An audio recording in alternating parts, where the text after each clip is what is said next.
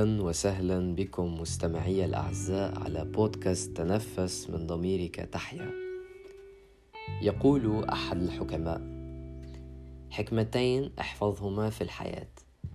لا تتخذ قرارا وأنت في قمة الغضب ولا تعطي وعدا وأنت في قمة السعادة. الغضب.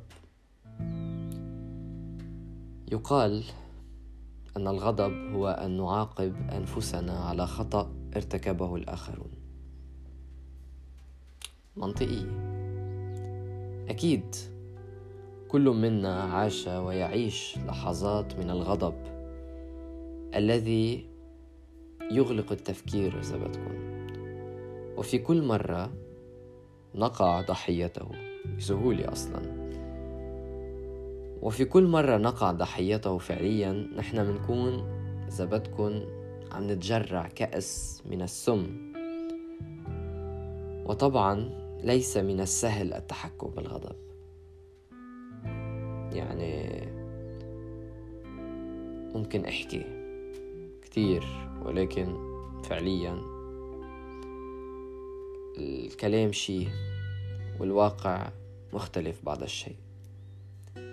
لأن الغضب هو فعليا إذا بدكم مبني على ردة فعل. إذاء ما نواجهه وما يستنزف فعليا طاقتنا. وتحملنا وصبرنا ببعض الأحيان. طيب السؤال اللي هون بيطرح نفسه. كيف أتحكم بالغضب؟ فعليا سنأتي على ذكر ذلك لاحقا.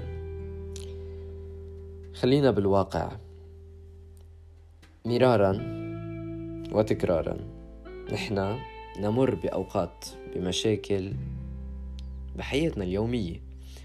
وهون حأحكي عن موضوع شخصي وواقعي فعليا. نحن كبشر علينا أن نتقبل فكرة أن العالم الذي نعيش فيه مليء بالأشواك. لا يمكننا أن نثق بأحد. أحيانا صديق اليوم هو عدو الغد. صح؟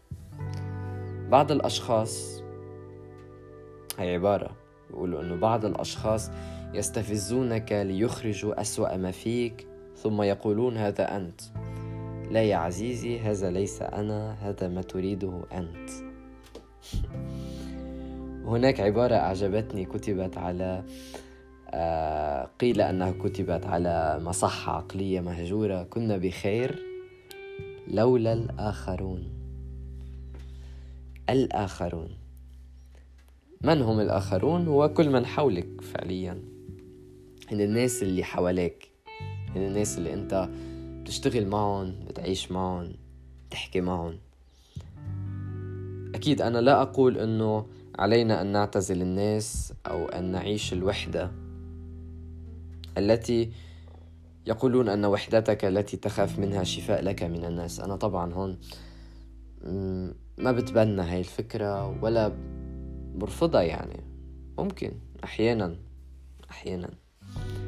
ولكن فعليا علينا أن نتجنب ولا ننجر ولا نستسلم لهذه المشاعر السلبية بل أن نحكم العقل في قراراتنا وفي ردة فعلنا وفي مشاعرنا. أنا أتحكم بالغضب فعليا. طيب كيف أتحكم بالغضب؟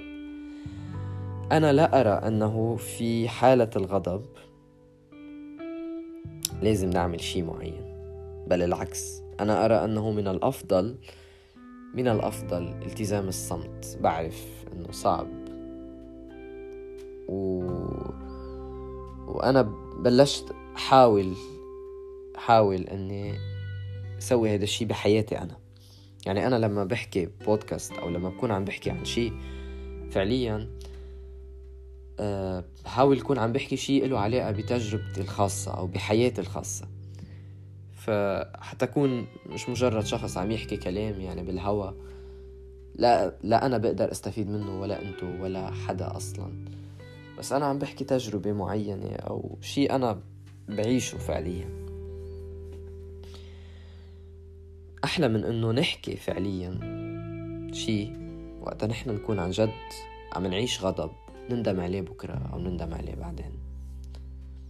لأنه يعني دايما بيصير هيك أشياء إنه ممكن تحكي شيء وبعدين تقول يا ريت ما حكيت. ف فينا بس نهدى ننطر ننطر ناخد نفس وننطر. الوقت اللي نحن عن جد بنحس حالنا إنه نحن عن جد يمكن هدينا فينا نعبر عن مشاعرنا. ما في داعي إنه نحن نكبت هاي المشاعر بالعكس نحن لازم نطلعها أصلا. مش لازم نحن نحبس هيدا الشي جواتنا بشكل إنه هيدا الشي يأذينا. نحن ما بدنا نروح بالنهاية على مصحة عقلية من ورا شخص أو من ورا موقف أو من ورا شي صار معنا بحياتنا نعيش ونظلم حالنا ونأذي حالنا وندمر حالنا. لا نحن لازم ننفس عن هيدا الغضب. نحن لازم نتخلص من هيدا الغضب. وهون فكرة إنه التخلص من السلبية. لازم نرتاح من هيدا الغضب. لازم ناخد هوا أكسجين. آه عندي ستي ستي يعني جدتي. دايما بتقول إنه أحلى دواء شم الهوا.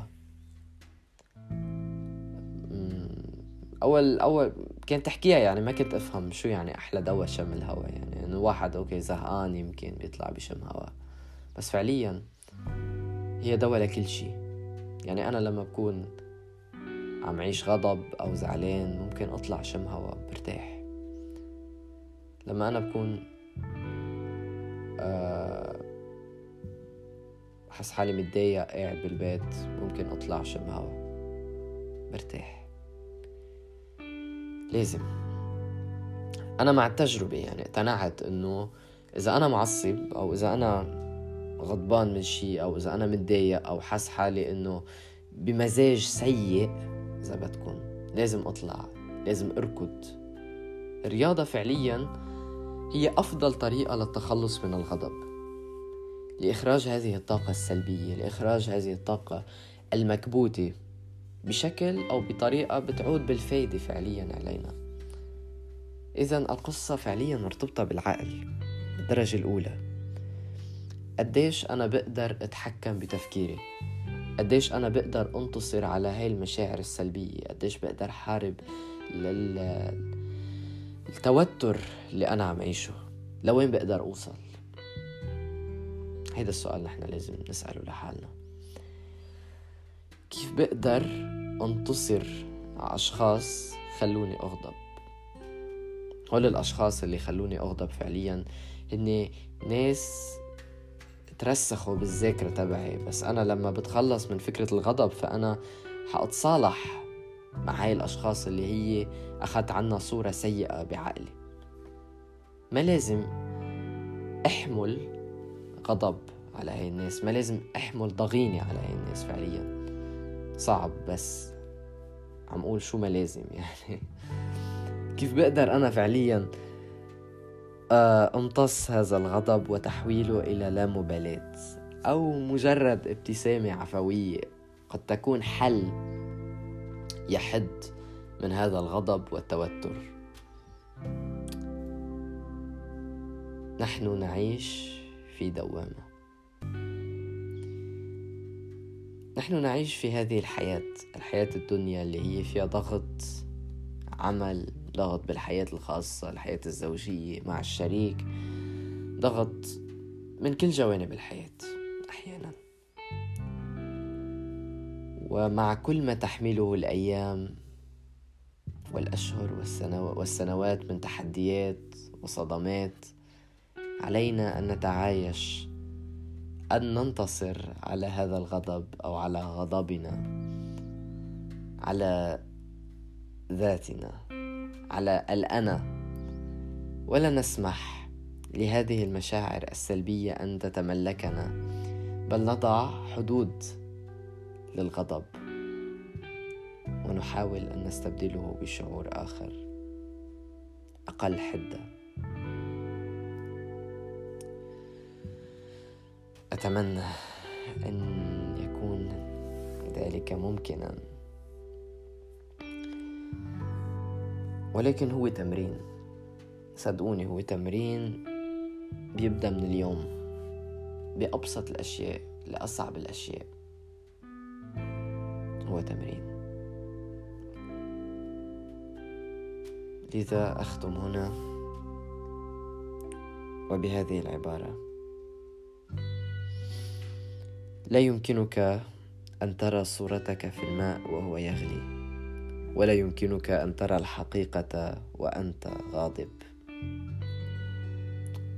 اترك الغضب تستقيم قراراتك.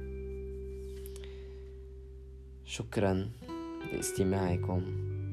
أتمنى لكم ليلة دافئة وتصبحون على ما تحبون.